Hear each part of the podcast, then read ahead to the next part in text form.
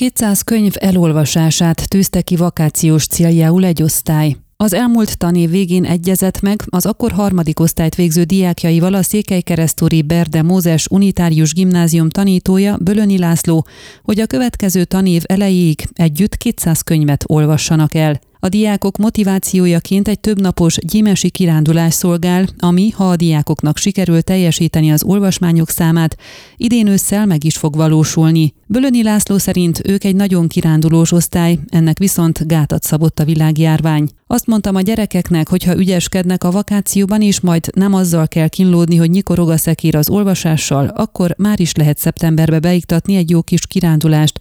Vázolta a projekt kezdeteit Bölöni, aki az előző osztályaival is jelentős lépéseket tett az irodalom kirándulásokkal való összehangolásában. Mint mondta, korábban az olvasás élményéhez kötődve buszos és biciklis kirándulásokat is szervezett előző osztályával. A mostani ajánlat, hogyha a 26 fős osztályból minden diák elolvas a nyár folyamán 10-10 könyvet, egy többnapos gyímesi kirándulással ajándékozná meg diákjait. A gyerekek erre azt mondták, jó, meg lesz. Egyfajta nem történik semmi ütemben kezdődött el az olvasmány lista gyűjtése július elején, aztán hét könyv bemutatása után beindultak a diákok, fejtette ki a tanító, aki a diákokkal egy közös Facebook csoportban beszéli át az olvasott élményeket. A kritérium az, hogy minden olvasott műről a diákoknak egy rövid összegzést kell írniuk, amit a cselekmény tetőpontjával zárnak be, ezzel ösztönözve olvasásra a többi diáktársat, mert ha kíváncsiak lesznek a végére, elolvassák az egészet. A tanító listát is vezet az elolvasottakról, minden diák nevéhez már több könyvcíme is kötődik. Eddig 111 elolvasott alkotás gyűlt össze, de állítása szerint, ha nem is szeptemberre, de októberre biztosan meg lesz a listának 200.